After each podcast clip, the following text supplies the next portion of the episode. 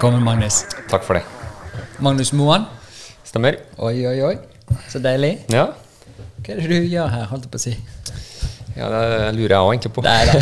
Du er jo invitert, for vi har jo en felles venn, Det har vi. Truls. Truls. Og han har fortalt litt om deg, og så tenkte jeg det er jo kjempegøy.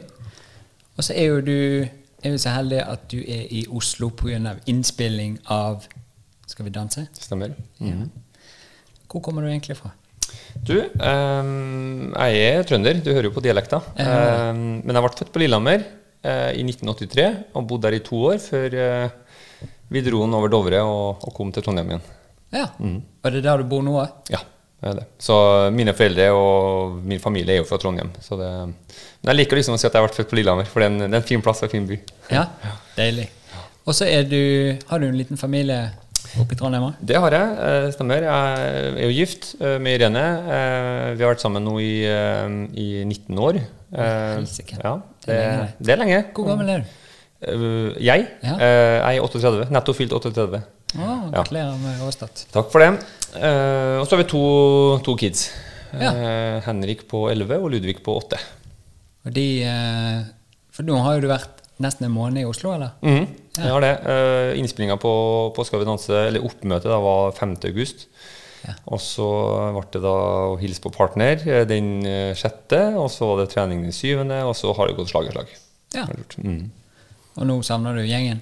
Jeg savner jo gjengen, jeg gjør jo det, men, eh, men altså, jeg bor jo til Truls eh, på Frogner. eh, På Oslo. gutterommet? På gutterommet. jeg gjør det. Nei, så, så jeg har fått et veldig godt inntrykk av, av Oslo. Du merker jo at det er, en, det, er en, det er en større by enn Trondheim.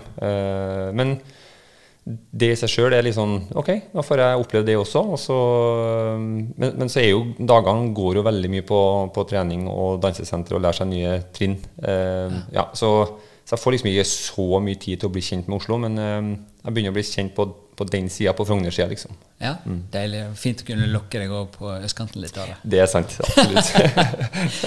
Men så er jo jeg, som jeg sa til deg i sted, jeg har jo ikke vært så veldig flink å følge med på vintersport. Eh, men det er jo kanskje det du er mest kjent for.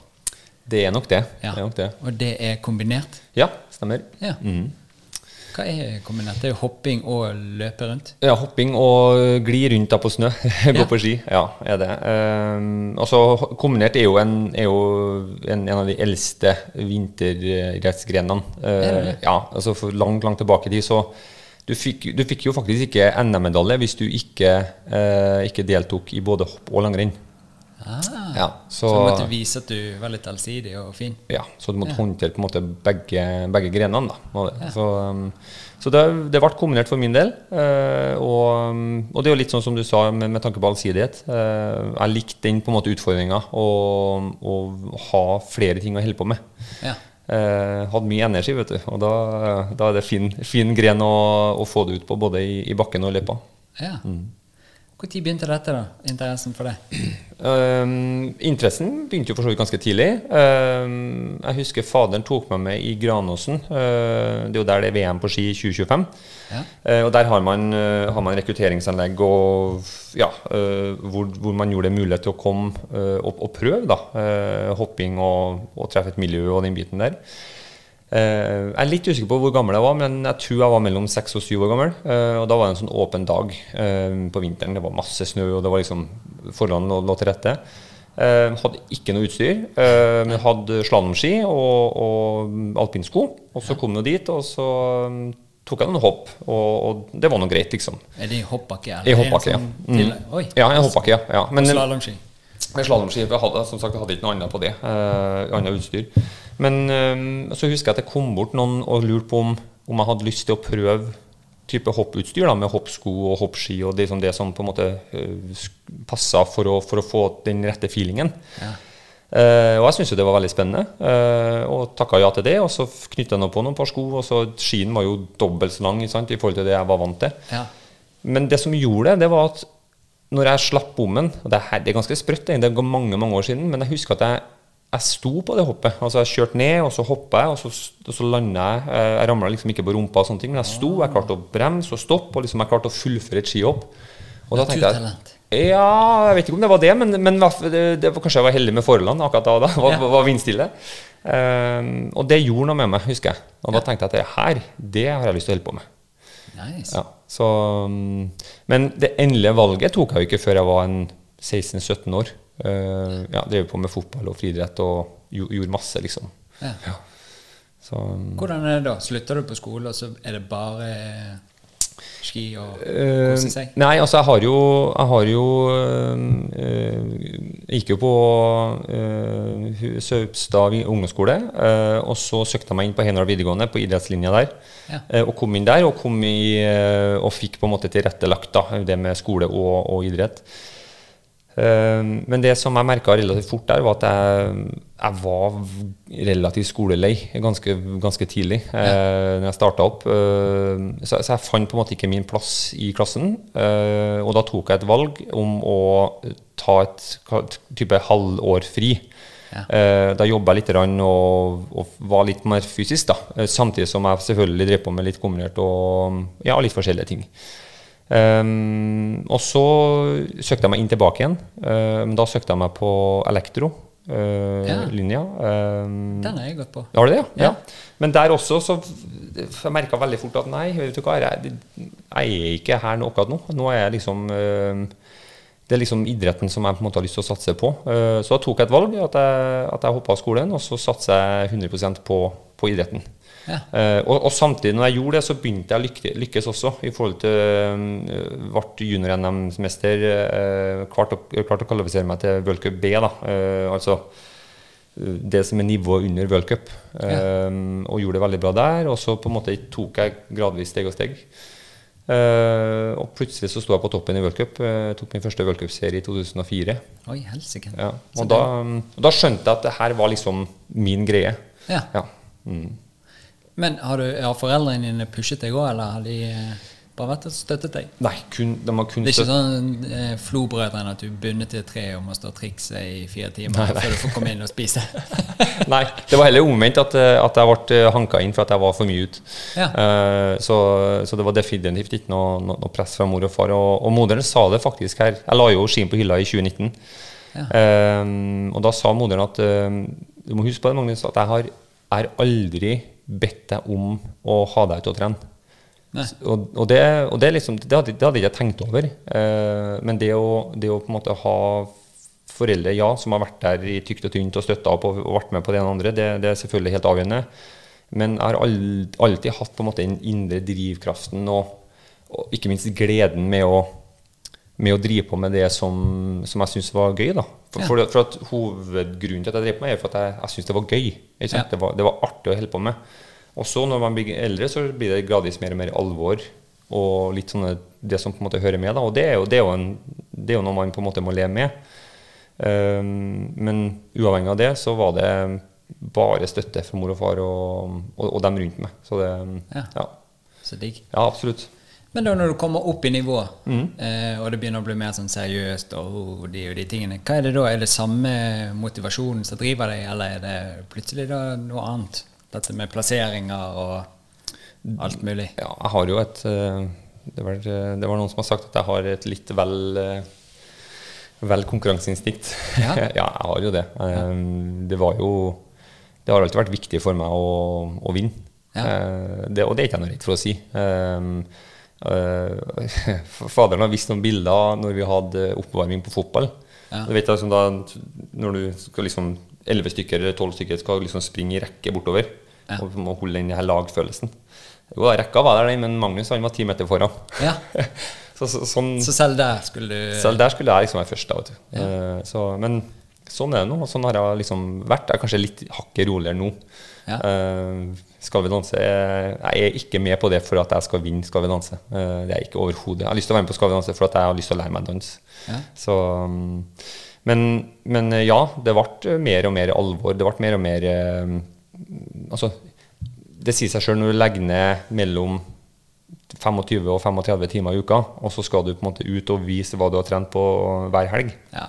Du ønsker selvfølgelig å stå på toppen, Ja. eller i hvert fall stå på pallen. Så ja, ganske tidlig så begynte jeg å kjenne at uh, hver trening, hver intervall uh, jeg hadde med teamet, og sånne ting, det skulle jeg vinne. Ja. Um, og, det, og det lyktes jeg med, for så vidt. da. Ja, for du har vunnet alt mulig, du.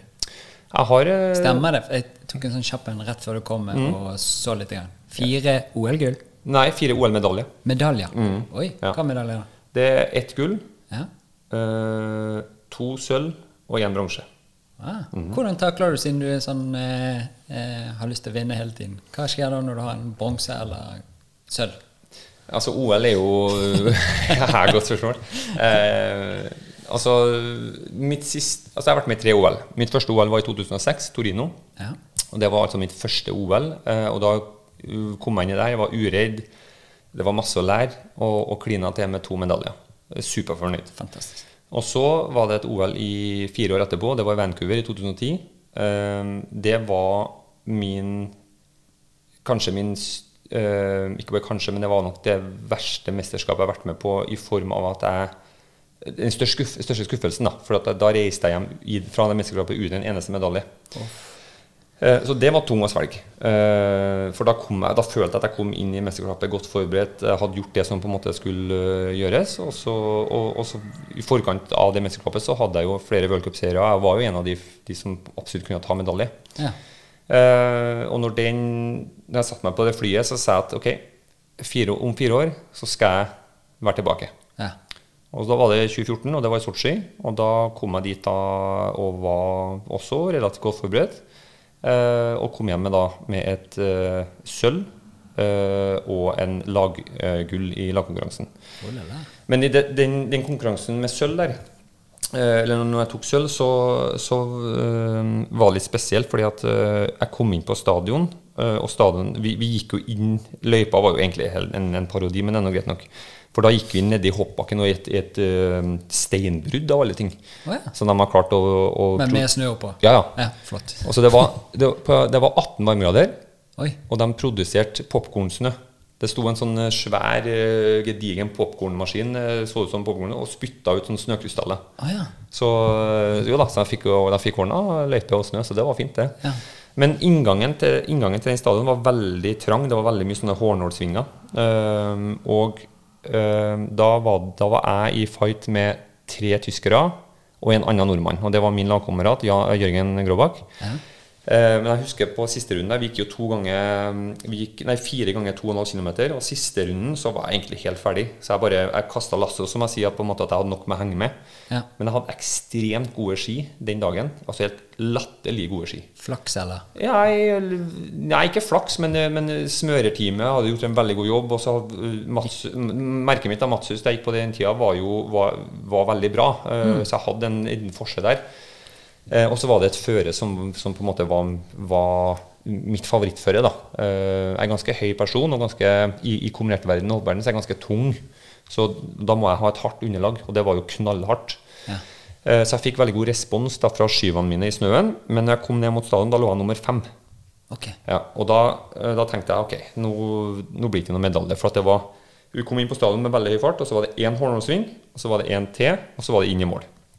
Og da, da sa jeg til meg sjøl ok, nå, nå, nå ryker liksom medaljen. Nå får jeg bare satse på at Jørgen vinner, og Jørgen leda jo.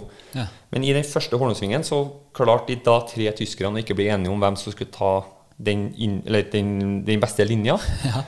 Så to av dem klarte å takle hverandre. Altså, Oi, det var to tyskere som ramla. Ja. Og han, tysker nummer tre han måtte hoppe, hoppe unna for at han, også ikke han skulle ramle på snøen. Og da smatt jo jeg forbi, Oi. og plutselig så var han nummer to. Og da ble jeg jo nummer to, da, så jeg klarte aldri å ta igjen Jørgen. da. Så han, jo, han vant jo. Eh, men for å svare på spørsmålet ditt i forhold til å bli skuffa når man ikke får gull Ja. Akkurat der og da, Ja. når jeg passerte den mållinja, så skal jeg ærlig da var jeg skuffa. Ja. Men det gikk kanskje fem sekunder der jeg på en måte fikk summert meg om og tenke ok, hvilken reise har jeg hatt? Fire år siden så tok jeg ikke medalje, en, eh, medalje i OL i Vancouver, men så reiser jeg nå hjem med, med to stykker. ja. Og da, da setter du at du har ikke lov til å være misfornøyd. Nei, det, det, det er jo en fin egenskap at du kan switche så kjapt. Ja, absolutt. Men det har vært verre hvis det har vært en tysker foran meg. Ja, ok. Ja, Ja. så- ja, Men det er jo fint. Ja, ja, absolutt. Ja. Så, nei, det var stort å se Jørgen vinne der, også samtidig at jeg også kunne få den etterlengta medaljen igjen. Ja. Så det var gøy. Nå følte jeg litt sånn at i gamle dager når vi hørte på radio, Mm. så tror jeg kanskje det var gøyere å høre på skiløp enn å, når jeg ser det på TV. Ja. For når du fortalte noe, så følte jeg at jeg var litt i løypene, så eh, alt det styret som skjedde. Ja. Så, eh, og da glemte jeg egentlig hva jeg hadde spurt om, så Ja. det var veldig fint at du hentet deg inn i det og Ja, ja. hadde styringen. Jeg har, eh, jeg har Hva kan man si? Han har snakker veldig mye. Altså man har eh, ja, et eller annet sånn med, med tanke på at man klarer ikke når, man- når man først snakker, så begynner man bare å prate. Ja. Men jeg har en ganske god egenskap å komme meg inn igjen tilbake. Ja. Ja, så det, Men når du suser da, hvordan er kombinert egentlig? Begynner man alltid med hopp? ikke alltid, men eh, vanligvis så, så er det 50 stykker på start i hoppbakken. Ja. Eh, den personen som hopper lengst, eller, eller man trenger ikke å hoppe lengst, da. Man, man, den personen som som regel hopper lengst da, og får best stil, høyest poengsum, han starter da nummer én. Og da blir poengsummene i hoppbakken gjort om til sekunder i løypa. Ok. Ja. Så fire poeng er øh, Jeg sier på en måte 15 poeng er ett minutt. ok. Ja. Så, så da går det nedover, da. Ja. Mm. Også, men du sier da ikke alltid. Hvorfor det? Nei, og så har du, har du uh, massstart. Eh, det, at man starter 50 stykker på langrenn først. Ja. Og så, og så blir det på en måte motsatt. da. Den første som, som på en måte starter, eller kommer først til mål, han vinner jo det langrennet. Og så hvis det da kommer en person eh, 30 sekunder bak i mål, da, så, så starter han med Eller da har, hvis jeg har vunnet langrenn, så har jeg da 7,5 poeng i, i sekken du har plusspoeng med deg, ja. ja, Ja. før hoppkonkurransen. Det er ikke sånn at du får lov å hoppe lenger. Nei, nei, nei. nei. det er ikke det. Ja. Så, men men eh, den, den konkurranseformen eh, er det en stund siden vi har hatt. Eh, Så som regel så er det alltid start i hoppbakken først, og så er det langrenn etterpå. Ja. For det er jo det som er, det er Gundersen-metoden. ikke sant? Det er jo det, det, er jo det kombinert handler om. altså eh, Gunder Gundersen som, som fant ut at ok, vi hopper først, vi gjør om hopppoengene til sekunder, og så er det jaktstart. da, ikke sant? Ja. Så kombinert er jo ikke ferdig Du kårer jo ikke en vinner eh, etter hoppkonkurransen. Det er jo den første personen som passerer mållinja Ja. i langrenn, som er den vinneren Ja. av, av kombinert-konkurransen. da. Og det er jo det fete, for da kan du hente deg inn igjen hvis du gjorde dritthopp. Det kan du. Ja, Det kan bare gønne i løypen. Helt klart. Ja. Så det um, Den drakten du har på deg når du hopper, Hoppdressen, ja. ja, Mm. er det litt sånn, sånn uh, tørrdrakt? Um, Eller en ja, ja, det um, Litt vanskelig å forklare, egentlig. Nei, det er ikke tørrdrakt. De ser jo litt for store ut. Ja, det er dem Det er dem, ja. Det, de er um, Og du aner ikke, det er så mye regler, og det er mye måter å få få ut um, mulighetene til å hoppe lenger på ski da, i forhold til Oppdriften av det. Nettopp. Ja. Og det, det i seg sjøl er, er, jo- er kjempefascinerende hvis man setter seg inn i det. Um, så det ja, Da kunne du hatt en egen podkast-sending bare på regler i hoppbakken. Oi, oi, oi, men det kan jo du ha opp mot eh, VM. det kan du ha. Mm, Absolutt. absolutt. Så digg. Men den andre drakten du har på deg når du suser rundt i sporet, langrennsdrakten, Ja. hva føler du om den? For den er jo veldig stram. Den er veldig stram. Den er Men det er deilig. Ja, altså det, det, det er deilig når det er litt sånn øh, vårlig temperatur i lufta. Ja. Eh, Jeg har vært Worldcup starter som regel i Kusamo i Nord-Finland.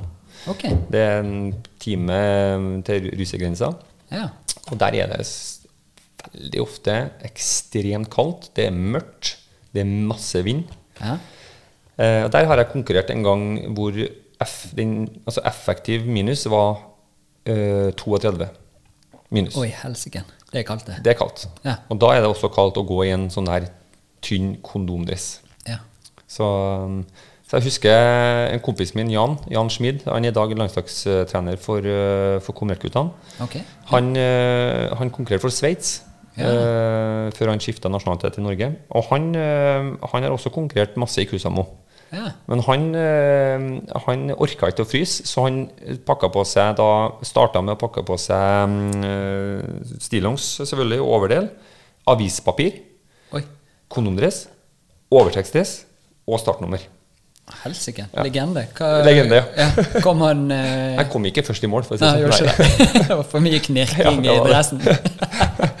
Så nei, altså det å, det å gå ski med, med kondomdress og sånne ting, det, det, det er noe med alle man gjør. Og, og der igjen handler det om uh, luftmotstand osv. ikke sant. Uh, Smidighet og ja. Som regel så går det bra, da. Ja. Mm. Jeg hadde jo jeg løpt maraton én gang bare for å teste. Og det var Oslo Maraton. Kjempekjedelig. Måtte løpe samme løypen to ganger for at det skulle bli maraton. Ja. Men da eh, fikk jeg jo beskjed at du jeg liker sånne her store boksershorts og sånne gardiner. Det syns jeg er så deilig. Ja. At alt er fritt og fint inni det. Men da fikk jeg beskjed at det er ikke en god idé. Eh, ta på deg en, eh, en annen type undik, og så har du eh, en sånn her eh, tights utenpå. Ja. Og jeg har aldri gått i tights i hele mitt liv. sant? Så da møtte jeg opp på start der med overdel og den tightsen. Og så har ikke jeg så kjempestore legger eller lår. Ja. Så den hang jo litt sånn slapt.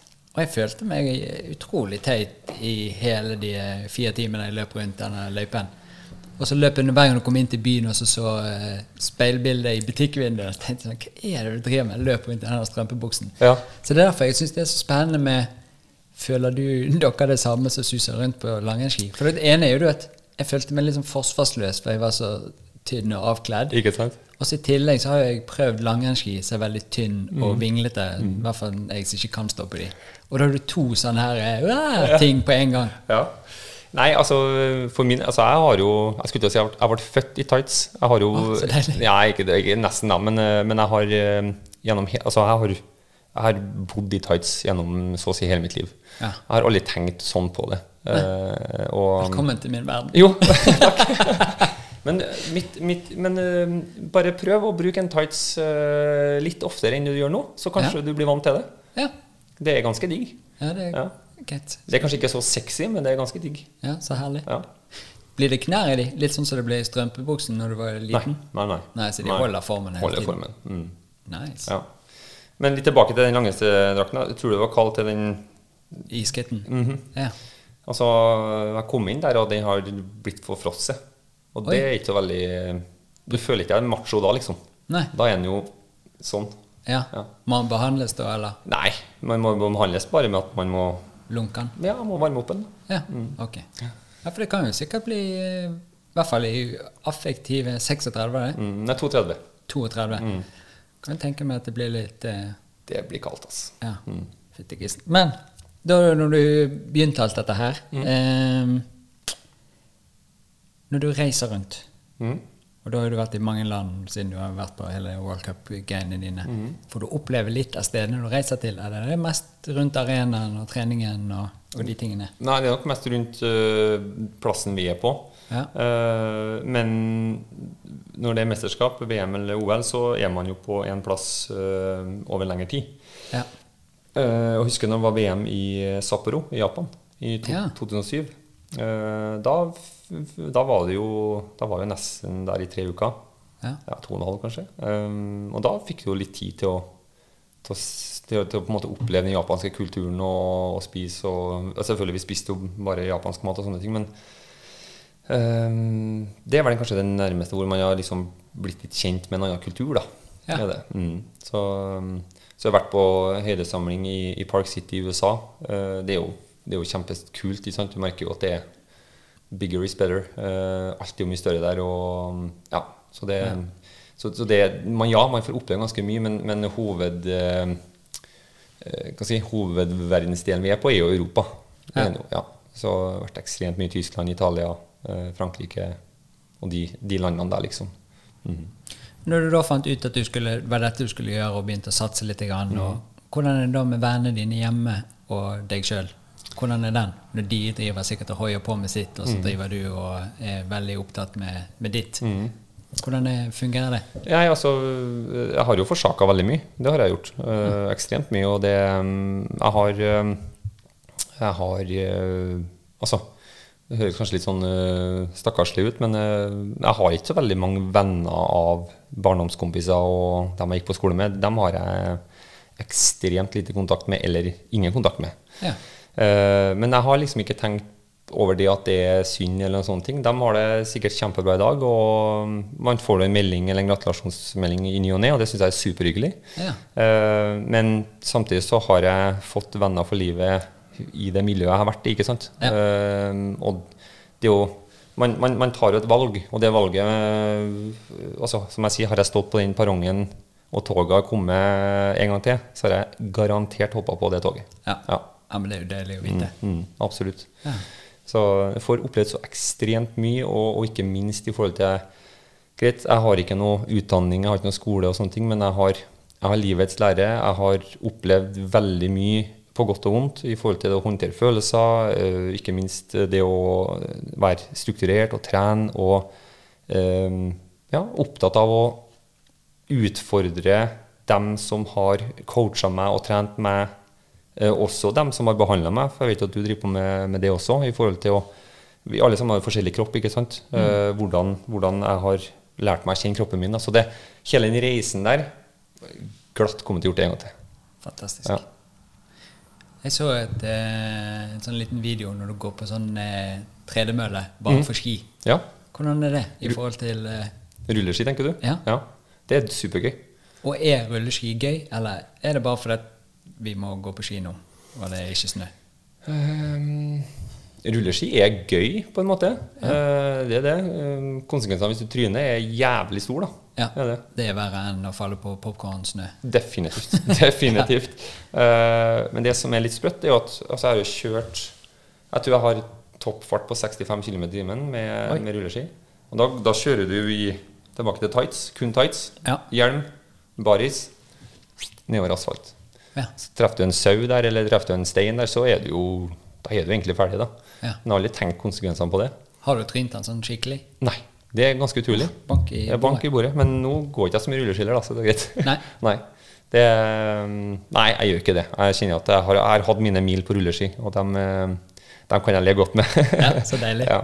Men, men, men, er du pensjonist nå? Nei, definitivt ikke. Uh, og i hvert fall ikke nå når Nå sitter jeg mellom to økter her da, i, på Skal vi danse. Ja. Um, Nei, jeg har alltid bestemt meg for at, liksom, at, jeg har lyst til å være fortsatt i relativt god form. Det har jeg lyst til. Uh, men må huske på at siste halvdelen av min karriere så var jeg ekstremt mye skada. Okay. Så jeg, eh, jeg trente veldig mye alternativt. Uh, og derfor så måtte jeg trene også ganske mye alene. Ja. Uh, fordi at de andre Altså, jeg fikk ikke å springe, da, for jeg slet en, ganske heftig med en, med en akilles på venstrefoten min. Ja.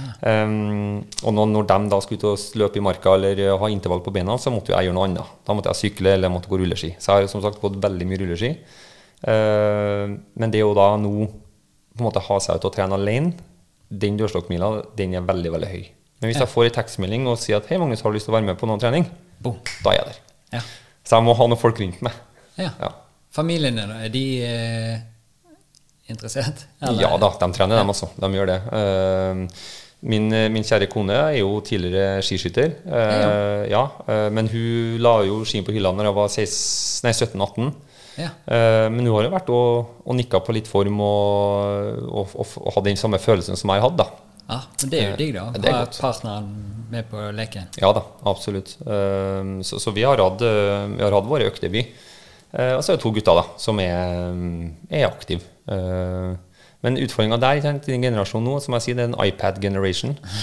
Eh, eller YouTube generation. Så det, du merker at det er de, de, de, står ikke i gangen og venter liksom at 'pappa, nå skal vi på trening'. Det er en konkurranse der. Det er en konkurranse, altså. Den ja. skjermkonkurransen der, den er, mm, jeg er litt, uh, litt, skeptisk til den. Jeg tror nesten alle jeg snakker med som er i kategorien voksen, er litt sånn hmm, Mm Er dette veien å gå? Mm Men vi får jo se. Ja, vi får se. Nei, altså, jeg har ikke, jeg har ikke noe, noe bad feelings og sånne ting overfor det. Men, men uh, vi har bestemt oss at det er viktig på en måte å ha aktive unger. Ja. Uh, men uavhengig av hva slags type aktivitet mine gutter eller våre gutter driver på med, så skal jeg være der for dem. Uansett. Og det trenger absolutt ikke å være noe skirelatert eller hopp eller sånne ting. Har de lyst til å drive på med sånn som jeg driver med noe dans, f.eks., eller klatring eller you name it, men bare én aktivitet. Bare vinn. Bare vinn. Drit i hva du holder på med, bare vinn. Ja. Ja. ja. det er litt uh, jeg, jeg, jeg, kan si det mellom oss, da. Så, ja. Men uh, hvis du sier det når du står sammen og andre foreldre, du, så blir du jo blir jo svartelista, nesten. Ja, det, Men det er jo litt sånn spennende med, med Norge, for vi har jo den der eh, eh, organiseringen av hvordan idrett skal være, og da er jo ikke lov å ha den innstillingen der. Og det kan jo være på godt og vondt. Ja, men, ja absolutt. Men jeg syns det det er rart, jeg. Jeg, synes, jeg mener det. Jeg syns det er rart. Og, Jeg, syns det er litt rart. ja, men hvor, hvorfor kan ikke Hvis det er en unge eller en, en forelder selvfølgelig, og foreldre som jeg ser leve gjennom sine unger, Det er jo en det er en helt annen sak. Ja. Ja. Men hvis en unge eller, eh, eller noen har lyst på en måte genuint inni og ser det her svartøyet på vedkommende, og de har lyst til å vinne, Ja. selvfølgelig må de få lov til det. Jeg, forstår ikke det. Hvorfor skal man legge lokk på, på at noen har lyst til å gjøre det bra og, stå på toppen? Det er, en, det er jo en kjempegod følelse. Det er en mestringsfølelse. Det er det det handler om. Ja. ja, og at du får rett og slett bare 100% gjort det du er mest sannsynligvis interessert i og eh, Og syns- har noen ferdigheter innenfor. Ja, ja. Og ikke minst synes det er gøy, da. Ja. Ja. Så, um, Når du skal hoppe, hva tenker man da? Er det litt stress å hoppe, for det, det er jo langt ned? Det er langt ned, det er det. Men, Hvor lengst, langt er det lengste du har hoppet? Nå er det to Eh, spørsmål. Bare kjør. Ja, kjør på. Nei, jeg, jeg har eh, Mitt lengste hopp er 148 meter i Granåsen. Ja. Mm. Eh, Er det deilig? Det var veldig gøy. eh, Det var det. Jeg har det faktisk på telefon, så du skal få se det etterpå. Oh, gleder meg. Men eh, jeg skulle gjerne ha sagt at jeg har hoppa veldig mye lenger. Typ skiflyging og sånne ting. Men det passa ikke, det passet ikke, og det ble nok ikke den gangen her. Er det for, uh, stor forskjell på skiflygning og hopping? Veldig stor forskjell. Hva er gøy, Kan du spørre? Ja, det, altså, det er en grunn til at det er skiflygning. For da, Ja, ja, for da du, det, det går en breaking point der du på en måte trekker deg ned i bakken til at du, når du begynner å knekke en viss hastighet og, og høyde, så, så flyr du på en måte ut av bakken. Ja. Og derfor så er det jo da navnet skiflygning. Da. Um, Hvor langt er vi flyger, da? Nei, Verdensrekorden eh, stående er jo 253,5 meter. Det er langt, det. Det er langt. Ja. Det er sjukt langt. Og det er jo Vikersund i Norge. Eh, det er jo godeste Stefan Kraft som har fra Østerrike. Ok. Eh, for dem som var interessert i å høre om det. Eh, det lengste som er hoppa, er vel 2,55. Men da vedkommende ramla som en sekk. Ja, ok. Eh, For da er du, ja, du lander så å si nedpå flata. Da, gjør du. Men, men forskjellen er jo rett og slett at det er en punkt igjen selvfølgelig mye større hoppbakke. Du har mye større hastighet på hoppet i det når du, når du skal ut og begynne å fly. Ja. Um, det, er en, det er jo en risikosport, uh, definitivt. Og det ser du fra sist vinter, når Daniel, Daniel André eh, var så uheldig og, og gikk rundt i Planica. Eh, Heldigvis gikk det bra. uh, men ja, vi mennesker vi søker jo litt ekstreme ting, og, og det, er jo, det er jo jævlig rått å se på da, Ja. når, du, når du kommer der og, og, og så de går så høyt at du aner ikke. Det er helt, altså, det er helt crazy hvor høyt de går. Vi snakker mellom 8 og 12 meter over bakken. ja. Så Nei, det er Jeg har aldri sett et skihopp eh, live, jeg. Nei. nei Kanskje det jeg må- gjøre det. Det skal du. Ja, Absolutt. Anbefales. Ja, I 20... Ja, du er hjertelig velkommen i Trondheim i 2025. Ja. Ja. men uh, Skal ta på meg tights med avispapir inni, for det, eh, det er sikkert litt kaldt å bare stå der og heie. Ja, Hvis du kommer i VM i 2025 med tights og papir, da, da skal du få en eh, stjerne i hatten på meg. Nydelig. Men tilbake igjen. Hva tenker du egentlig når du står der oppe og skal hoppe ned? Ja, nei, altså eh, For det er ikke ekkelt når du har gjort det mange ganger. Nei, det er akkurat det. Det blir litt sånn rutine. Det Ja. blir det. Men, men du, du, um, du Som sagt, det er konsekvenser hvis det skjer noen ting. Uh, og da du, du går gjennom rutinene dine. Du vet jo veldig godt hva du skal gjøre av arbeidsoppgaver. Uh, og så har du en trener som står nedpå der og, og følger med vind. Eh, og det Du må jo stole 100% på vedkommende som står på trenertribunen og vinker og, og ja, øh, og, og gjennomføre det hoppet da, med god kvalitet. Eh, det, det er litt det. Jeg har aldri vært redd. Jeg har altså, aldri vært sånn bokstavelig talt redd når jeg har vært på toppen av hoppbakke. Jeg har vært sjukt spent. Ja. Men det er jo, det er jo noe annet igjen. Ja, ja. Ikke sant? Så Det er jo en fin måte å være klar for noe også, at du får du er påskrudd, da. Ja. Du. Så, um, men du har nok av dem som du har nok av dem som på en måte er, som er veldig reservert. da. Ja. Som ikke, og det, det, konsekvensene er faktisk verre altså, når du, hvis du ikke er på skudd. Ja. Er det, de fleste gjør sånn med briller rett før de hopper. Mm. Hva er det for noe? Nei, det, da er det nok mest sannsynlig dog. da, Dog innpå inn på Ah, glasset. du bare slipper inn litt luft og Ja, Eller få bort doggen da, på, på, på glasset. Det, det, er jo, så det er jo som å kjøre i tåke. da. Ja, ok. Ikke sant? Blir, du vil jo helst ha så bra sikt som mulig. Ja. Ja. For jeg bare sett de alpinistene de slår alltid skistavene, og så hopper de og sånn med beina. Mm, wing. Ja. okay, ok, Så det er en grunn til det. Ja, det er en grunn til det. Det. Så, men så er det jo Husker jo tidlig i karrieren, da var da utstyret utviklet seg. ikke sant? Men du satt jo der på Du hadde jo hjelm ikke sant? som ikke pusta eller noen ting, og så hadde du briller som var tjukkere enn en en ja, skuddsikkert glass. Så, det, Ja. Så i dag så er utstyret bra, da. er det jo. Men eh, det er litt sånn når det begynner å koke, koke i toppen, og du svetten siler og sånne ting, så da er det greit å på en måte prøve å lufte utstyret. Svetter ut øynene. Ikke sant? Bare Så deilig. grin når du står på toppen der. Ja. Ja. Men eh, ok, så da ga du deg. Hva gjorde du med en gang etter du sluttet å hoppe, da? Og gå kombinert? Du, eh, altså jeg la jo som sagt skien på hylla i 2019. Det er ikke så lenge siden. Det er ikke Nå lenge i siden. 2021. Det er vi. Ja. Um, Føltes og- det rart? Ja, det føltes veldig rart. Og det var, det var og det her har jeg, jeg jo vært åpen og ærlig om også øh, til media og snakka ganske mye om det i forhold, til, i forhold til det overgangen fra toppidrettslivet til, til det vanlige livet. For, for toppidrett er ikke et vanlig liv. Eh, selv om man, når, når du er, på en måte er i bobla di, så føler du at det, er, det her er For deg er det jo vanlig, men Ja. ikke for vanlige. Nei, det akkurat det. Ja. uh, og da Nei, det var et valg som var Altså, jeg visste at det valget kom. Uh, jeg visste at den dagen det måtte komme. Eh, men jeg har hele tida på en måte bare skjøvet den lenger vekk fra meg. Ja. Eh, nei, det var tøft. Det var veldig veldig tøft. Jeg, jeg prøvde å kvalifisere meg til mitt åttende VM, som var i Seefeld i 2019. Uh, skjønt ganske tidlig eller midtveis under den sesongen at det toget gikk. Eh, det var, jeg var ikke god nok. Eh, og da tenkte jeg at ok, nå er jeg egentlig ferdig. Ja. Eh, det, var, det, var, det var noen dager der eh, som jeg satt hjemme og tenkte ok, shit, hva gjør jeg nå? Ja. Eh, fordi at det har vært, det har vært et miljø hvor, hvor eh, type kompiser? Og, og ledere som har lagt til rette. Jeg har fått på en måte vært meg sjøl og, og, og hatt en veldig bra karriere. Eh, nå lukker jeg den døra, Ja. og så går jeg litt til høyre eller venstre, og så åpner jeg en ny dør. Ja. Og det er den døra til the real life. Eh, det, Hvordan ser det ut når du åpner den? ja, det var Skummelt. ja, det var litt skummelt, jeg må si det. Jeg syns det var mm, eh, Jeg følte meg utrolig naken. Eh, jeg hadde jo på meg klær, selvfølgelig, men, eh, men Du eh, følte deg som meg i tights. ja, Så det er tights. Ja. Ja.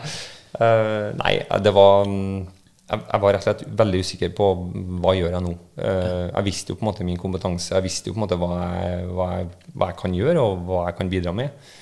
Um, så tenkte jeg ok, nå må jeg bare brette opp armene og så se hva, mulighetene, eh, hva slags muligheter vi har her. Ja. Um, ble tatt uh, heldigvis veldig raskt inn i varmen av, uh, av landslagssjefen, eller sportssjefen, da, Ivar Stuan i Kombinert. Uh, så jeg var med å bistå han i tre måneder og jobba litt på markedssida. Ok. Uh, og det syns jeg var veldig gøy, fordi at marked og måte, synliggjøring av sporten og sånne ting har jeg nå brent veldig godt mye for sjøl, Ja. når jeg sjøl var aktiv. Men det er jo bare nå i nyere tid at jentene har begynt med kombinert. Yes. Ja. Kombinert er jo den siste gjenlevende idretten hvor det var bare gutter som drev på. Ja, det var den første og den siste. Ja. Ja. Mhm. Så, um, så det å være med og prøve å uh, legge til rette for dem også, uh, og få dem, få dem opp på et samme nivå og gi dem de samme mulighetene som jeg sjøl hadde når jeg var aktiv, det, det var at Jeg tenkte ikke meg i fem minutter engang. Det var liksom Yes, dette har jeg lyst til å være med på. Så jeg jobba der i Det var ikke lange tida, men det var tre måneder. Um, og brukte litt mitt nettverk. Og, og var i kontakt med litt forskjellige firmaer og folk, og, og fikk landa da noen, noen avtaler. Ja. Uh, og en av avtalen som jeg fikk landa, var, er da min arbeidsgiver i dag. eh, Som er JKS uh, i Norge. Eh, JKS? JKS. Noe? det er et rekruttering- og bemanningsbyrå. Ah, Ja. Eh, og da var jeg og Ivar og i møte med dem, og de syntes det var bra spennende og, og var med og støtta en god sak. Eh, og så lurte de da hva jeg skulle gjøre når jeg var ferdig med mine tre måneder hos Ivar og Skiforbundet. ja. Og da sa de at eh, men har ikke lyst til å være med og starte et JKS-kontor i Trondheim. Aha. Og da tenkte jeg shit, eh, her har jeg ingen erfaring med. Nei. Jeg har aldri hatt noe personalansvar for noen. Let's do it. Let's do it. Ja. Og det er jo, det er jo råtøft og kult av uh, den arbeidsgiveren å tenke at ok, de, de så noe i meg, Ja. vi går, vi, går, for it. og durer på. Men er ikke det deilig, for med tanke på at, eh, som du sa i sted, du har ikke noe utdannelse, du har ikke noe sånn og sånn, men likevel så sitter jo folk med noe sånn helt vilt med eh, verdier som andre kan se og kan få brukt. Det er akkurat det. Vi er så jævlig opphengt i de papirene der det står hva du har lært deg. Mm. Ja, og det er jo, og det er jo akkurat det. Eh, for de så jo at jeg hadde den indre driven og passion for det faget mitt. Ja. Eh, og de så på en måte at det her er noe vi kan uh, tilby Magnus på og, og jobbe med. Eh, opplæring og støtte fra dag én. Og, og ja, etter to år nå så sitter jeg som salgssjef i JKS i Norge. Hva gjør du for noe, da? Eller hva er egentlig arbeidsoppgaven din vært? Nei, Arbeidsoppgaven min har vært å, å, å starte et, eh, et rekrutterings- og bemanningskontor i Trondheim. Hva Eh, gjør man da? Leier et lokale? Ja, da har man jo et lokale. Man får en opp et skilt? Ikke sant? Her er vi. Ja. uh, nei, altså, Da handler det om å på en måte bare begynne å ta noen telefoner og, og, og presentere. Eh, det er jo egentlig en salgsjobb. Det er det det er. Ja. Uh, og så må man avdekke behov til en, en, en kunde. Eh, Har, har dere behov for innleie, eller har dere behov for rekruttering? Ja, nei. Og hvis det er ja, så, så, så eh, får man da muligheten til å presentere. Og så starter jo jobben med å legge ut annonse. Vi må da få inn kandidater på intervju. eh, og kjøre referansesjekk. Og vi kjører hele den, den prosessen i forhold til en ansettelsesprosess. da. Ja. Eh, Så vet jeg at det det, er jo, det er jo enkelte som på en måte mener at man skal avvikle denne bransjen. eh, For, Ja. det, for det har vært veldig mye cowboyvirksomhet og sånne ting, og det har det jo vært. Ja. Men, men eh, det, som, det som jeg syns er ekstremt viktig å få fram, det er jo at vi i denne bransjen som er godt etablert og er profesjonelle, og som jobber etter de lover og reglene som er i Norge, Ja. vi tilbyr jo en arbeidskontrakt, vi tilbyr jo akkurat lik lønn. Eh, Det er vi som på en måte har feriepenger og, og på en måte forsikring og som måtte styre hele den, den prosessen. Ja. Som sørger for at kandidaten kommer seg ut i jobb, Ja. og på sikt også kanskje får seg en fast jobb. Ja. Uh, og det er jo nettopp det som, uh, som jeg syns har vært veldig veldig gøy, og også synes jeg er gøy i denne perioden, er at jeg hjelper folk. Jeg hjelper folk ut i arbeid. Og, og se den reisen deres også, i forhold til at de vokser, de får muligheten, gir dem en sjanse. Og plutselig så kommer det en telefon en mail fra en, en kunde og sier at du Magnus, den kandidaten du sendte, superkandidat, vi ønsker å ansette den kandidaten vi. Ja. Og da er det sånn Yes! Da har jeg liksom på en måte gjort en, en, en god sak, da.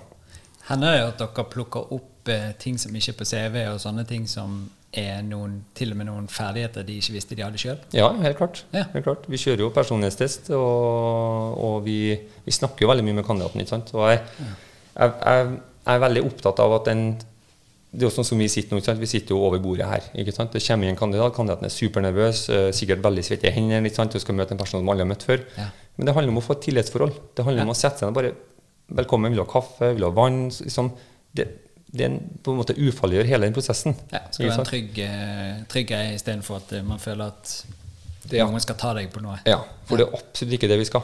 Nei. Ikke sant? Så det, um, og det um, Nei, jeg møter så utrolig mange hyggelige mennesker. Og, um, og det vi ser, da, det er jo på en måte uh, ja, folk som på en måte kommer fra, uh, fra utlandet. da, uh, Som har på en måte hatt en tøff reise inn til Norge. og uh, og, og spør dem på en måte hvor og Du ser jo også på CV-en ikke sant, når, når kom du til Norge. Jeg kom til Norge for fem år siden, og så snakker de altså, overraskende godt norsk.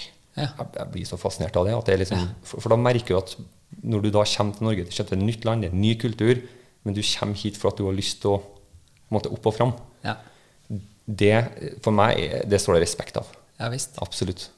Jeg kjenner veldig mange som har jobbet lengre perioder i utlandet og masse asiatiske land og forskjellige land. Mhm.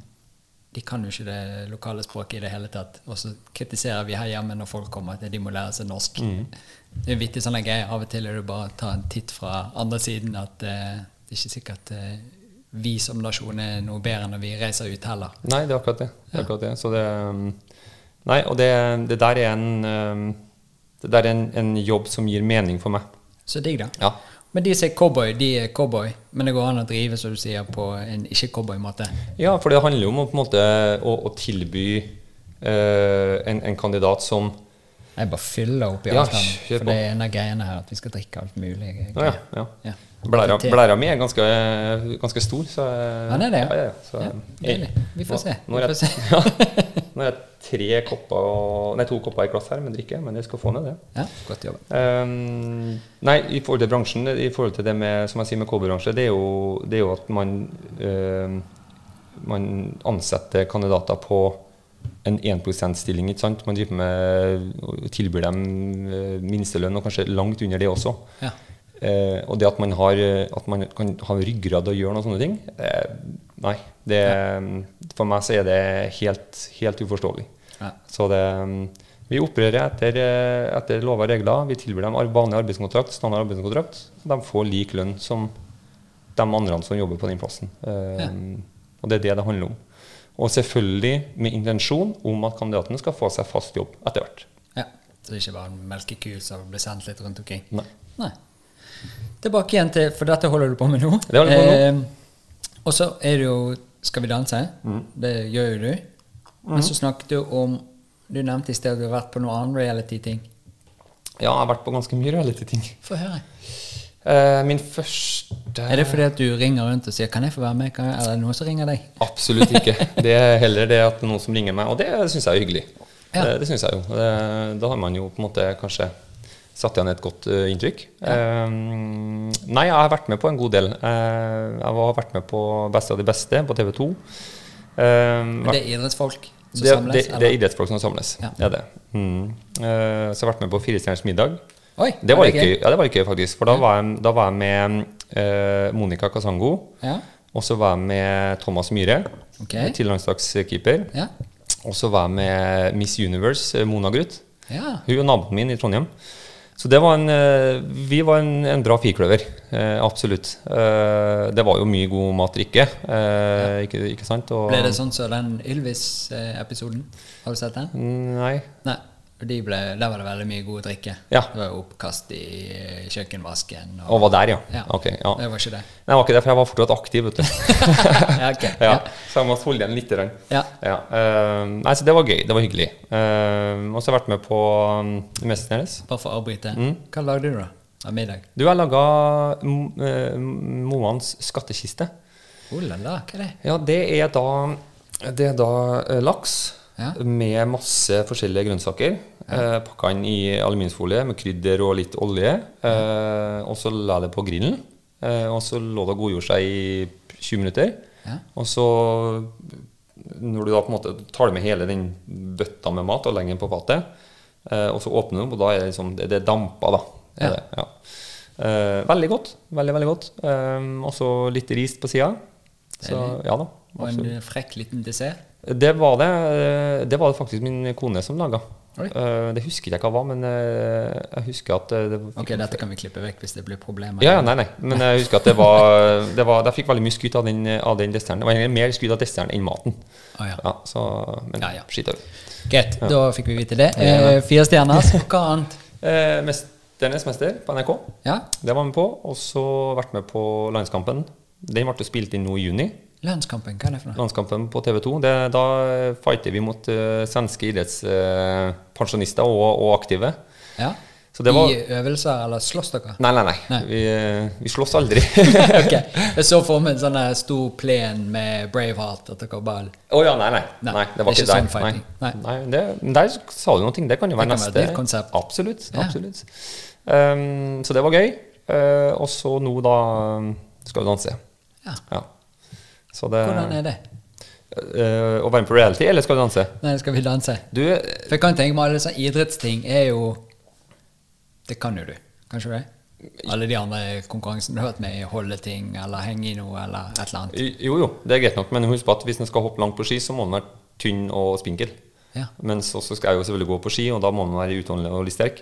Men eh, jeg har fått juling altså, på, Ja. på de her, eh, på de her eh, ja, innspillingene og, og, og TV-showene. Taklet du det greit? Ja, ja, ja, det har jeg gjort. Men uh, du merker at du, uh, du blir god på det du trener på. Ja. Ja, Det er så enkelt. ja. Så, Men for det, jeg tenker også fordi du sa tidligere at du hadde lyst til å lære å danse. Mm. Og hvis enten Noen har jo noen sånn rytmesans. Mm. Har du det? Ja, tydeligvis. For jeg har jo ikke sett Skal vi danse, og det er jo litt Har ikke du pinlig. sett Skal vi danse? Nei. Herregud. Det må du, da må du Da vet du hva du skal gjøre etterpå. Ja. Ja. Så jeg skal Ja, det skal vi gjøre. Så Men jeg bare tenker, da For du, blir du kastet ut, holdt jeg på å si? Ikke kastet ut, men du blir stemt ut, eller? ut, ja. Mm, Så det blir bare færre og færre? Det det blir sånn bare funker. færre, ja. Og du er med ennå? Og det har holdt på i en måned? En Ja. og en halv måned? Ja, første live, første live show. Det er jo live, det her, da. Hver lørdag. Ja. Uh, så det var 28. august som var første live. ja. Ja. Så det her blir nå da Er det femte Femte Jeg dansa jive. Jeg dansa slowfox. Jeg dansa passo doble. Passo doble. Passo doble. Det var jævlig høyt. Ja. Det var veldig, veldig kult. Hva er det for noe?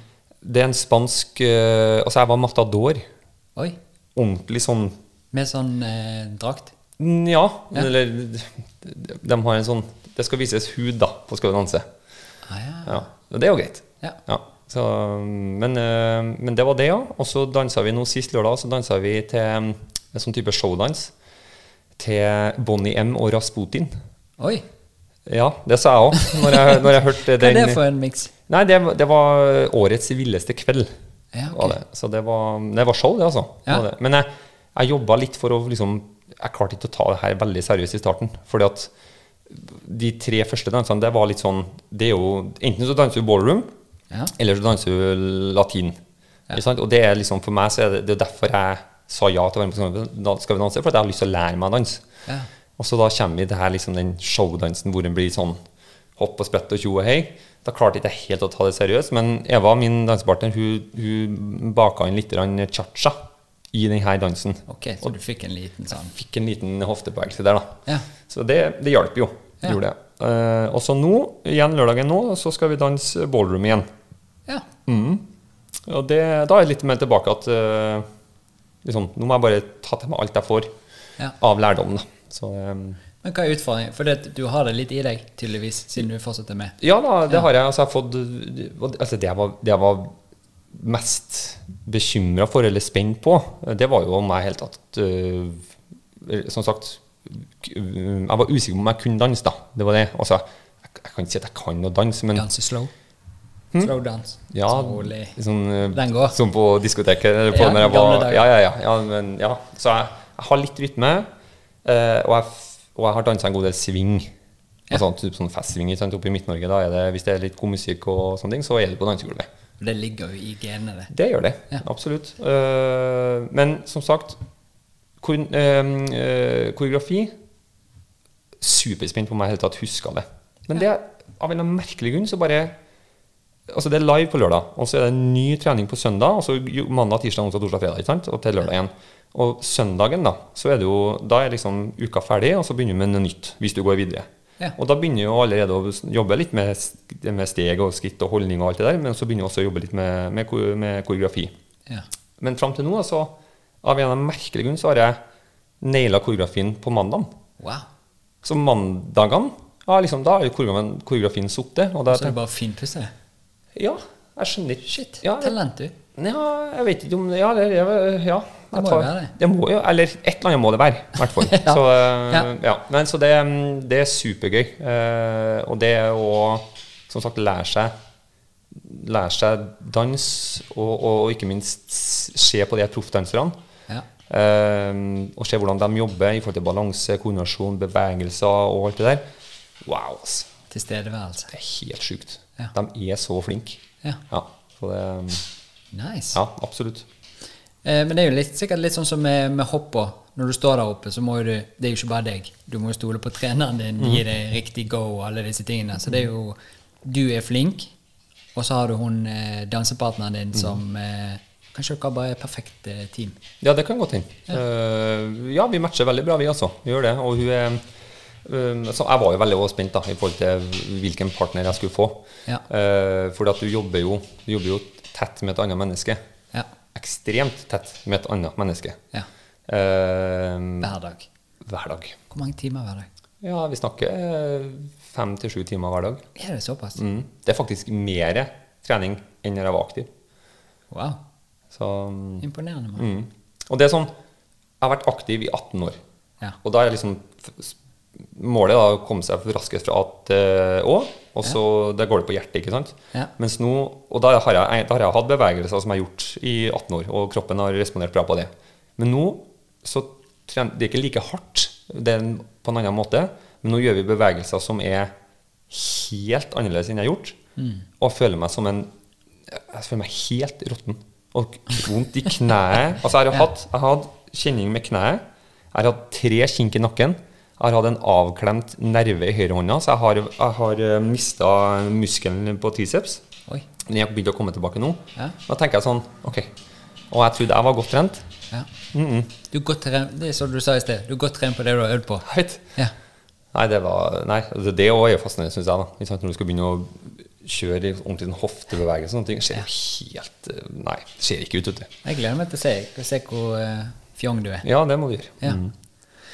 Ehm, men den der, eh, når du, overgangen din Vi snakket jo litt, jeg tror det var før vi eh, egentlig begynte å snakke, dette med at eh, eh, man jager noe hele tiden, og så fant du ut på et eller annet tidspunkt og begynte å lære noe sånn mindfulness og litt sånne ting. Hva er, eh, fortell litt om det. Ja, altså det er jo litt fascinerende. Um, Du nevnte jo også litt sånn at du skulle ønske at du kanskje hadde lært noe om det tidligere. Ja. mhm. Nei, altså jeg har alltid vært en, alltid vært en utøver, en person som har vært med en, altså entusiast med, med masse energi og kommet på trening og liksom på en måte bare kjørt på og fått ofte bekreftelse på det jeg har gjort på trening, er bra. Og det har jeg dratt med meg da inn i mesterskap eller på konkurranse. Så jeg har liksom ikke tenkt konsekvenser.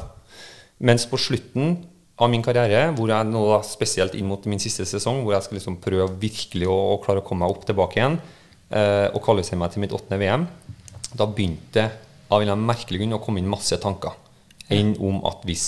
Ja. Uh, og det var det som og det var det som i ettertid jeg liksom tenkte, jeg gjorde det også underveis, at her, her har jeg en utøver, en person som har drevet på i mange mange år, og vet veldig godt hva det her dreier seg om. Jeg vet hva jeg skal gjøre på trening, og sånne ting, men man får det ikke til. Ja. Og så da begynner det skuldrene å gå lenger og lenger opp. Du begynner å tenke og tenke og tenke. Og til slutt så blir du du blir rett og slett satt ut av, din egen, av ditt eget hode. Du klarer liksom ikke å, å på en måte bare puste ned. Og den entusiastiske Magnus han bare forsvant, jeg visna og, og fikk ikke ut det jeg var god for. Ja. Og Derfor så begynte jeg å, å, å lese meg litt opp, og, og fikk litt hjelp gjennom Olympiatoppen eh, på det med, det med ja, idrettspsykolog og, og, og jobba litt med mindfulness. da. Ja. Og det syns jeg var veldig fascinerende. Uh, og det begynte jeg nok med alt altfor sent. Eh, I forhold til å eh, Ja, man, skal, man, man ønsker å få fram min beste side, men samtidig så tror jeg at jeg ødela veldig mye for meg sjøl. Når jeg var så entusiast og liksom jeg skulle få det til på hver trening og sånne ting. Så den balansegangen som vi snakka om før i sendinga, at vi um, Jeg glemte jeg glemte balansen Ja. i forhold til det å på en måte Hvis jeg gir veldig mye av meg sjøl, så må jeg huske på å ta, ta meg tida til å bygge meg opp, eller lande litt, da. Eh, og, og på en måte få, få en balanse i livet i forhold til det med å puste og på en måte få fokus på det som, som gjør til at jeg får til å prestere. Da. Og Derfor så begynte jeg litt med, med mindfulness, og det syns jeg var i starten sykt vanskelig. Eh, Masse tanker selvfølgelig som kom inn, og klarte liksom ikke å bare sortere dem. og sånne ting, Men, men plutselig så bare Når jeg satt der, så, så fikk jeg en sånn indre ro. Det var, sånn, det var så sprøtt. Ja. Det var så rart. Og så Ja, og så Jeg, jeg tror nå i hvert fall at jeg, at jeg var i sonen, da. Ja. Eh, og, og det, og det funka jo bra. Jeg var jo Jeg starta den sesongen på et veldig, veldig høyt nivå. Ja.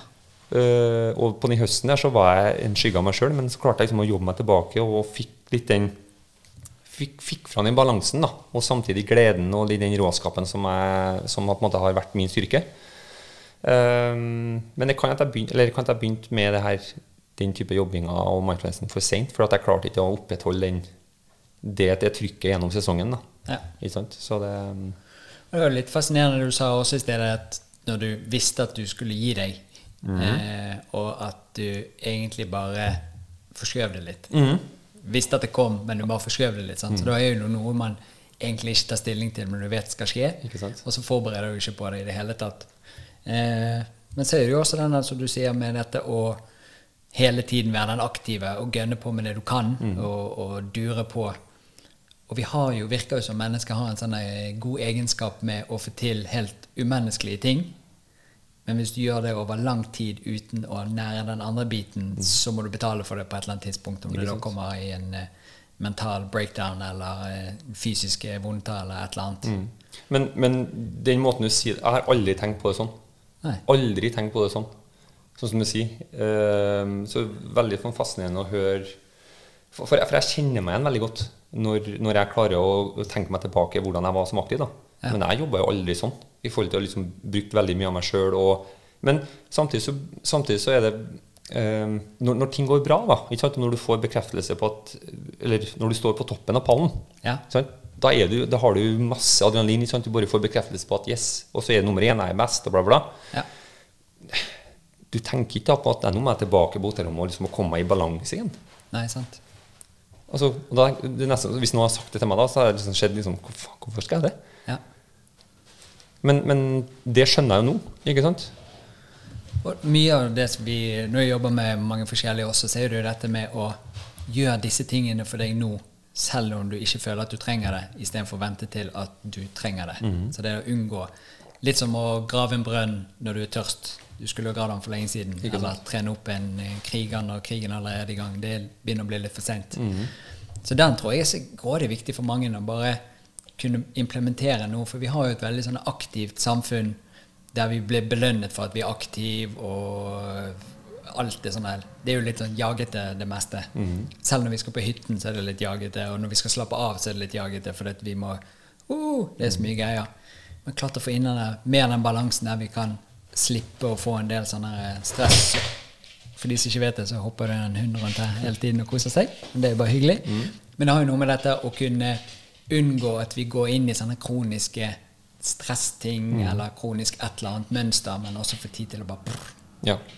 Balansere den ut. Mm. Nei, Jeg er helt enig, og, men, og det er litt sånn Sånn som jeg uh, lærte meg da uh, det siste året jeg var aktiv, så, og, og det å på en måte sette seg ned og, og koble av, da, som, som mindfulness er, da, i forhold til å på en måte tømme tanker og sånne ting, det kan man jo gjøre overalt. Ikke sant? Men det er bare å lære seg å, å, å huske på å gjøre det. Ja. Uh, så det, nei, du er absolutt inne på noe, og det, og det, og det her er jo noe som veldig mange kan og sikkert har behov og bruk for. Ja. Ikke sant? Eh, I forhold til den, den jobben jeg har nå, ikke sant? det er jo stressende, det. Altså, det er jo ut og presentere eh, og, og få på en måte gjort jobben eller firmaet vårt kjent. Da, ikke sant? Så er liksom alltid er sånn jag etter å få til ting. Ja.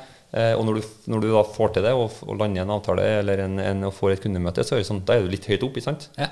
Nesten som må stå på pallen. ja, ja. Du får den der rusen. Det er akkurat det. Din egen rus. Ja. Ja. Men det å da på en måte etterpå sette deg ned og bare slappe av, eller bare Ja. Ja. For eh, Nei, det tror jeg er viktig, altså. Og, Hvis det er bare solskinn, så blir det ørken til slutt. ja, for det er ikke bare solskinn. Nei. Nei. Ja, men herlig. Så det er liksom eh, veien. Men eh, Så nå er du full trening igjen, for i dag er det torsdag. Nei, i dag er det onsdag. Det er onsdag. I dag er onsdag. Oi, helsike. Ja, så, så, det er trening i dag og og det er trening hver dag. Men i, hver torsdag så har vi parkettprøve. Ja. Da er vi ute eh, på H3 Arena og, og tester og føler parketten. Uff, det er viktig, det. Det er viktig. Ja. så Er det litt som å gå eh, en sånn liten testrunde på løype når du skal gå langrenn? Du skjønner jo det her, du. Ja, jeg begynner ja, ja. ja, ja, Det er en formel her. Ja, ja. Det er akkurat det det handler om. Ja. Så det, um, og det var litt kult da, første gangen jeg var ute der. Altså, så ser jeg på, um, på proffdanserne, også på Eva, på min partner, som går bort der og liksom setter sett foten på parketten liksom, og føler og kjenner liksom, underlaget. Som er sånn, altså, er det, parkett er parkett, liksom. Ja. Men nei, Det det er det ikke. Nei. Og det er det faktisk ikke. Nei. Det kan være eh, mindre fiksjon, det kan være mer glatt. Så Ja. det, nei, det er litt fascinerende. også. Kanskje de merker sånn temperatur òg. Ja, ja. Ja. ja absolutt. Så, nei, så det er trening hver dag. Det er det. Og så stikker du hjem. Altså, nå stikker jeg hjem eh, over helga. Eh, Det gleder jeg meg til. Så da har du en pause, for da er ikke det ny sending? eller? Oh, jo, jo. Ja, ok, Så da må du hente deg inn igjen når du kommer hjem? Ja, men eh, Eva skal være med til Trondheim. Ja, selvfølgelig. Ja, ja. Så Ja. Vi, skal, vi skal oppsøke treningsstudio i Trondheim og kjøre på. Ja. Ja. Men jeg reiser hjem fordi at jeg ikke har sett guttene mine på over en måned. Og konen. Jeg, kona var nedover faktisk i helga. Ja, var hun? Ja, det var hyggelig. Ja, okay, herlig. Ja, det var godt. Kan hun danse? Eh, ja eh, og nei. Og kanskje det sånn som deg? I, ikke nå, men, men, eh, men jeg har bestemt meg for at vi skal, vi skal oppsøke dansekurs og um, eh, Ja, og, og hun skal få smaken på det som jeg er med på nå. Ja, så deilig. Ja. Absolutt. Tror du at du vinner det? Har du sjanse? Hvem er igjen? Hvor mange er det igjen? Vi er ni par. Ja? Mm. Igjen? Igjen, ja. Hvor mange var det? Tolv Ja. eh, er det. Så mm, den første lørdagen så var det ingen som røyk, og så begynte da lørdag nummer to. da, Det er da på en måte ett og et par av, eh, begynte å dra. da. Ja. Så mm, Nei, altså Vet du hva? Eh, som sagt, jeg, jeg, jeg, jeg sa ikke ja til Skal vi danse for å, for å vinne. Eh, det gjorde jeg ikke. Jeg, jeg syns det er utrolig hyggelig å få så mange positive tilbakemeldinger og hilsninger og si at hey, vi stemmer på dere, vi syns dere er best og alt det der. Eh, det varmer. Tro meg, absolutt. Eh, Men jeg har Altså eh, Jeg er forberedt på at jeg ryker nå på lørdag, for å si det sånn. Ja. Det. eh, Men har du merket litt For nå vet jeg ikke jeg poengsummen, og sånn, for det, er et- det er et dommerpanel. mm, Og så er det folk som kan ringe inn og stemme. Ja. Og så er det en balanse der, eller er det bare publikum som bestemmer? nei, det, det er 50-50. Ok. Ja. ja. er det. Så, men igjen så er det Det handler bare om å fære ut på den parketten og kose seg og vise at man øh, har det gøy. Ja. eh, og prøve selvfølgelig å gjennomføre øh, en så god dans som overhodet mulig. Eh, og så er det jo opp til dommerne og publikum, og hvis de liker det, så liker de det. Ja. Hvis ikke, så, så er det helt greit. ja. Ja. De som er, eller he, Gjennom hele konkurransen, er det godt sånn samhold, eller møter dere hverandre, de forskjellige Å ja, det gjør vi. Absolutt. Ja. ja. Og det er en fantastisk gjeng. Og så um, her er det jo her er det jo en, en, en bukett med roser som uh, driver med masse forskjellig på, på fritida. Uh, artister, ikke sant? det er journalister, det er um, ja, masse forskjellige folk. Uh, men de er utrolig varme. Og, og det som jeg syns er gøy, da, det er jo å, se også at de er så hardtarbeidende alle sammen. De, har Ja. liksom, de møter opp på trening og, og liksom ordentlig genuint invitert til å lære seg dans. da. Ja. Og det syns jeg er veldig veldig gøy. Eh, og så er det jo det er jo, et, altså, det, er jo, det er jo en forskjell på nivået. Det, det ser jo alle som følger med. Men, men sånn er det med alt. Ja. Er det. Og, men, det, men det viktigste for meg er å se at eh, Og jeg gleder meg over at jeg ser andre på en måte avslutte dansen med et smil. Og de, Ja. de er fornøyd. Ja. Og da, så lenge de er det, og jeg er det, så, så, så har man lyktes, liksom. Og det er jo litt kult, da, for da har du sikkert fagpanelet som er, er dommerne. Og så har du hvordan har du klart å treffe publikum, på en måte. At, du har, eh, at det er flere variabler. Ja. Litt sånn som når jeg av og til går på kino, og så er det filmanmelderen som har gitt den to, og så syns jeg det var den beste filmen noensinne. Ikke sant? Så det er individuelt, da. Ja. Er det jo. Så, nei, det er, en, det er en fantastisk fin gjeng, og, og, og, og produksjonen også er veldig profesjonell. Du, du merker det. Dette er jo 17. sesongen. Er det det? ja? 17 år har de drevet på. Har det Ja. Jeg kom på noe Guri Solberg tror jeg var programleder. Hun har vært her og snakket i mikrofonen. så det, snakker, ja? ja. Kult. Hvem er er programleder nå?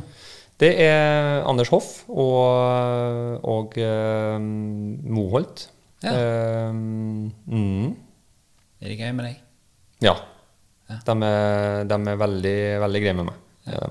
Så, men det er show. Det er liksom eh, Det er underholdning, og det, det er det det handler om. Men alt er jo live.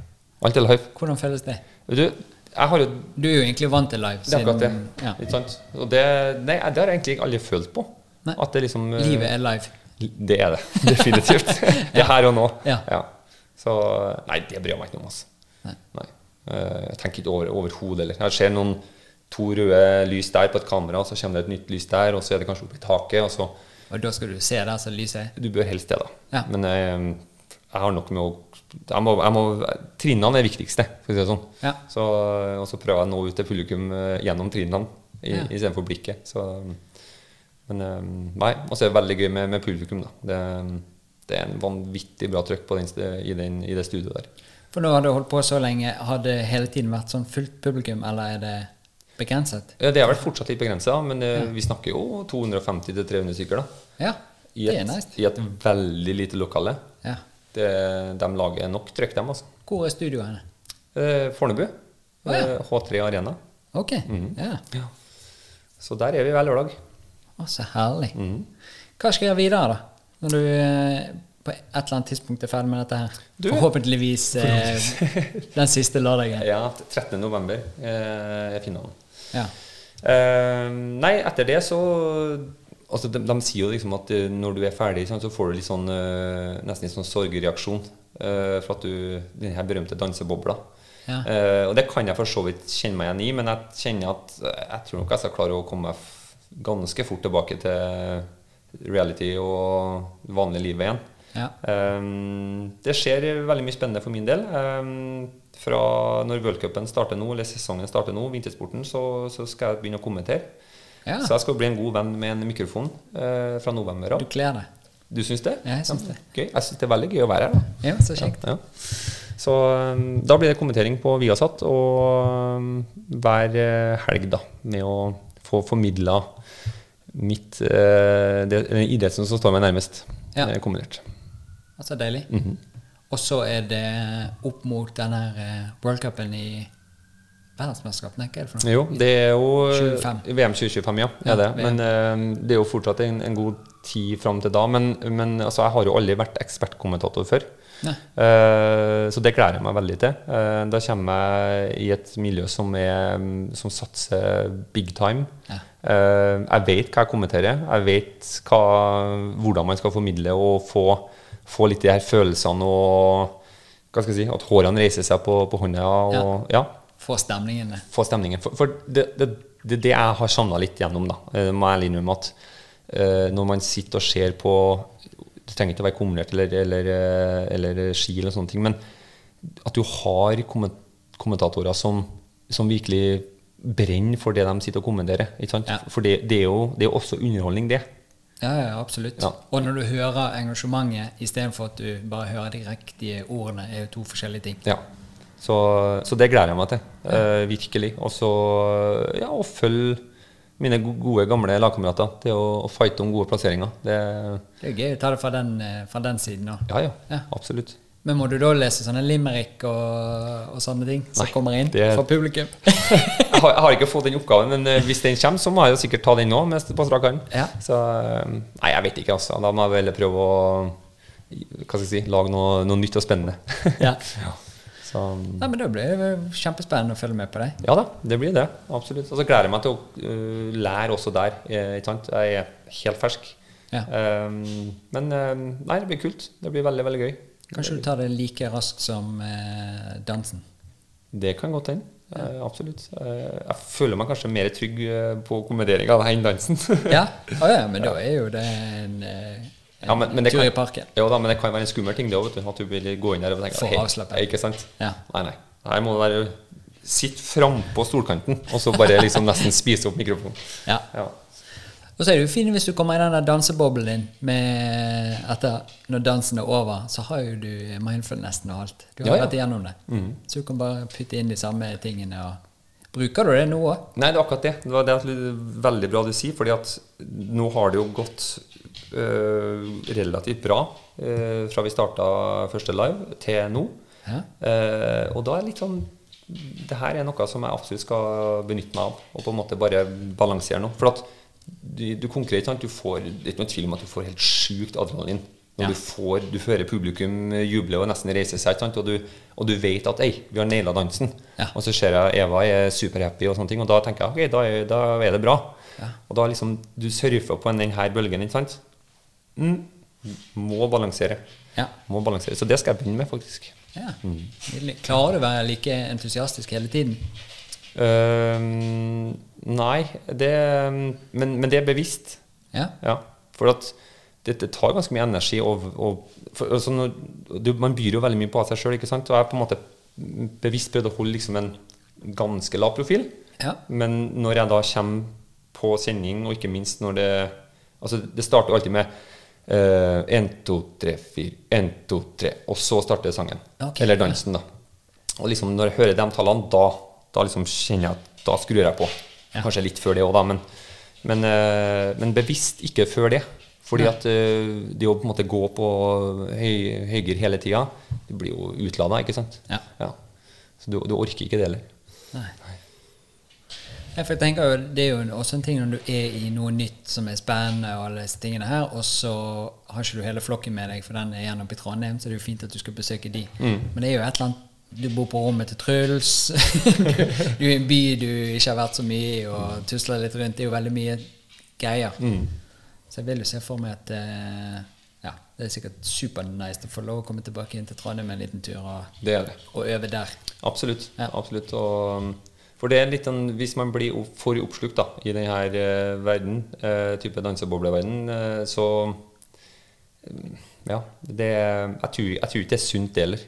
Nei. Nei, det tror jeg ikke. For det, um, som, sier, som sier, at en dag så er det jo ferdig. Det kan være nå på lørdagen. Eh, håper selvfølgelig at vi går videre. Men da er det greit å på en måte Ja, når du er på trening, så er du på. Også på live, så er du på. Men alt imellom så bare Ja, da er det liksom normal hverdag. Ja. Mm. På Instagram og sånn, da. Er det mye trafikk der? Folk som heier og liker og Ja da, det er absolutt. Det, altså, nå, er, nå er det jo deltakere her som har eh, ja, godt over 250 000 følgere? Og, og som er mye mer aktive på, på Insta og på sosiale medier enn jeg er. Eh, men men eh, jeg tror jeg har fått 1500 nye følgere, og utelukkende bare positive tilbakemeldinger. Eh, men det òg, det, det, det, det tar så mye energi. Og, Ja. og liksom legge ut masse og litt sånne ting. Selvfølgelig så prøver jeg å oppdatere og slik at man får et innblikk i forhold til hvordan, hvordan uka er. da. Ja. Så har jeg god hjelp da fra min, min kone, som, eh, som får masse materiale, og som, som lager en sånn oppsummeringsvideo. Å, ja. Ja, og det Hun er Instagram-ansvarlig. Mm. Ja, sånn Instagram-manager. Så um, Nei, jeg har, altså, sorry, jeg har ikke tid til å sitte og holde på med det. Eh, og så er ikke jeg så god på det heller. Men, men eh, av og til legger jeg ut litt, og så, og så er det jo Ja, det er jo egentlig en egen verden, det der òg. Jeg så sånn uh, barfotbilde av deg, Ja. av føttene dine. Mm. Du har en veldig lang peketå. ja. Jeg hører mange som sier at jeg har lange tær. Ja. Ja. Har du merket det sjøl? Kan du bruke det til noe spesielt? ja, god balanse. Veldig god. ja. Men eh, når, siden du er inne på tær, da, så har jeg en, eh, har jeg en litt sånn Ikke bare litt, men har en, en ulykke. Å ja. Ja. En Eh, tåulykke? en- Og det kunne ha gått ordentlig ille. Uff. Det var, det var Jeg klippet plenen min eh, hjemme i Trondheim. Ja, vi er inne der. Ja. Og da, da er det oppi en liten sånn skråning, og så står jeg på toppen av den skråninga med flymo. Flymoen du setter i, så løfter den seg litt opp. Ja. Veldig sånn handy, enkel, grei maskin å holde på med. Fram til du da glir og får foten under. Å, fytti grisen. Eh, og det gjorde jeg jo, jeg, da. Uh, så idet jeg sender da flymoen uh, jeg tror det er til høyre, så, så glipper taket mitt inn i gresset. Og Så jeg glir jo, så jeg liksom ramler bakover, og da er det naturlig at bena fer opp. Ja. Men så av en eller annen merkelig så klarer jeg da å få høyrefoten min oppi flymoen. Eh, og da Jeg skal ikke gjenskape lyden, jeg, men jeg, ja, det er jo, Nei. nei. Men eh, jeg kan prøve å gjenskape bildet, og det var ikke veldig pent. Eh, men det som er bra med Flymoen, da eh, det, er veldig, det, er ikke, det er ikke så mye som er bra med Flymoen, men en ting som er veldig bra, at det er nødstopp på den. Så idet jeg slipper eh, gassen, tenkte jeg å si, Ja. så stopper jo bladet. Ja. Men det stopper jo ikke sånn. Det, stopper, det må gå noen runder. Eh, så jeg hjalp jo til at det stoppa ganske fort, da, siden når jeg pakka høyrefoten min oppi der. ja. Og da, da var jeg litt i sjokk, og så så jeg ned på foten, og da var jo halve joggeskoa bort. Eh, og så var det veldig mye blod. Eh, og jeg fikk liksom summert meg litt, men det var ikke noe vondt i hele tatt. Det var sånn Hva i all verden er det som skjedde nå? Og så så jeg ned, og da første venn var å sjekke om stortåa mi var der. Og den var der heldigvis. Eh, og det som berga meg, det var at vi brukt, eller jeg brukt, eh, har brukt den flymoen ganske mye, så det, det bladet var veldig sløvt. Ah. Så det var ikke et nytt blad. Nei. Men jeg sto faktisk i garasjen halvtime før og, vurd, og, vurd, og vurderte om jeg skulle sette på et nytt blad. Veldig glad for at du ikke gjorde det. Har jeg gjort det, Ja. så har jeg, da har min karriere vært over. Da har jeg mista stortåa mi. Men eh, det var jo litt blod og, og dårlig stemning der. Men hva skjedde egentlig? Nei, da halte jeg meg bort og, og bare hamra på vinduet, eller på skyvedøra inn. Og det var, da har vi nettopp fått eh, Henrik. Ja? Eh, så hun var vel oppe og skifta bleie, tror jeg. Og hun liksom hører at det bare nesten knuser ruta. ikke sant? Liksom, man må komme deg ned her. Ja. Og hun ser jo veldig fort hva det er, da. Så hun snur og henter to eh, Parine Forte, og jeg pakker inn i dem. Vi hiver Ludvig under armen, eh, springer ned i bilen, kjører ned til St. Olav og, og kommer da på skaden der. Eh, og blir møtt da av ei som sier å, oh, herregud. Ja, som, hva det, hva, det var en veldig spesiell situasjon. skjønner for Jeg kommer inn der, liksom, det var masse blod, ikke sant? og så Ja. og kommer på den der, der Her må du registrere ikke sant? navn, telefonnummer, bla. Jeg har ikke tid til det akkurat nå. Nei. Så sier jeg men du må bare sette deg ned og vente. Ja. Og så sier jeg er du sikker på det? Ja, du må det. Ja, og så bare løfter jeg foten opp på, på disken. Pumpe sånn blodsprut opp. Ja, det var ikke langt unna. Og hun bare så på den, og hun bare OK, trykk på nødknappen. Og det bare kom tre eller fire leger ut, rett inn på operasjon. Og ble jo tatt eh, ja, kjempegodt imot, selvfølgelig. Ja. Eh, skaden var at jeg f- kappa av eh, øvre del av stortåa eh, og litt av den lange tåa som du refererte her i stad. ja. Så den eh, ble bitte litt kortere, Ja. men fortsatt lang. Er det før det bildet ble tatt? Det er skaden er før bildet er tatt, ja. Ja. Så vi kan se det på bildet? Ja, ja, du kan kanskje se det på det ene stortåa. Ja, ok. Ja. Men kom du deg fort igjen, eller? Jeg kom meg fort igjen. Jeg gjorde det. Uh, det her var jo faktisk før VM i Oslo i 2011. Var det det? Ja. Ja. Uh, men heldigvis på sommeren, da. Så jeg, jeg kom meg ganske raskt tilbake igjen. Gjorde det. Har du flymoen fortsatt? Ikke det. Hva har du nå? sagt? Jeg, jeg, ramma den inn. ja, nei, vi Han henger over peisen. ja, nei, jeg gjør ikke det, altså. Uh, vi hadde robot, men vi har en gressplen som er mindre enn 1 ganger 1 meter. Det er litt, rå, rå, litt råflott å ha en robot som uh, ja, Så ferdig. er ferdig. Ja. Nei, så vi uh, Nå har vi en elektrisk klippemaskin Ja. ja, som, som, som jeg må bruke litt fysisk eh, kraft på å få i gang, og, og ikke minst at plenen blir bra. Og det lever jeg godt med. Så herlig. Ja. Så Uff, det er så ekkelt det når du kjenner at noe skjer, og så vet ikke du helt omfanget, og så ser vi blod, og så Mm. eh, ja, det var, men det, nei, det var, det var en spesiell opplevelse. Altså, at det går an. Men det var helt amatørmessig. Så det brukte Jo, ikke, brukte ikke vernesko og sto på kanten. Nei, det var fukt i gresset. Altså, det er jo dømt til å gå til helvete. Ja. Så, Helt vill ting. Hvorfor bytte ikke du blad? Bare gadd ikke du? nettopp. Var bare det? Var sikkert det. Tok for lang tid. Ja. Du vet liksom når du, når du kjøper noen ting, og så er de pakka inn altfor godt i sånn plastikk, Ja. så du må bruke sag og vinkelstripe for å få opp den driten.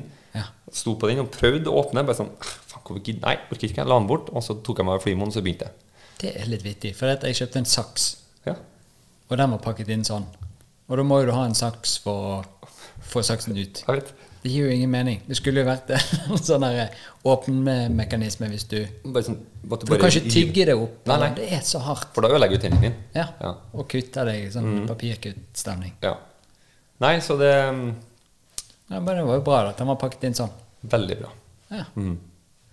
Du, jeg er jo så fantastisk eh, fornøyd med at du eh, satte av tid til å komme hjem på eh, kjøkkenet mitt. Det har vært fantastisk gøy å være med. Det er min første podkast-sending. Er det? Ja.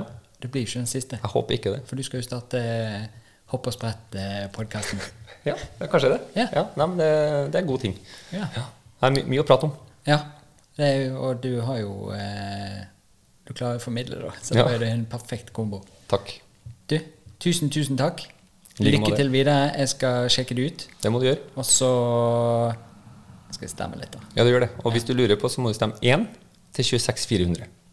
1 til 26400. Mm. Da har jeg memorert det. Det er bra. Tusen, tusen takk. I like måte.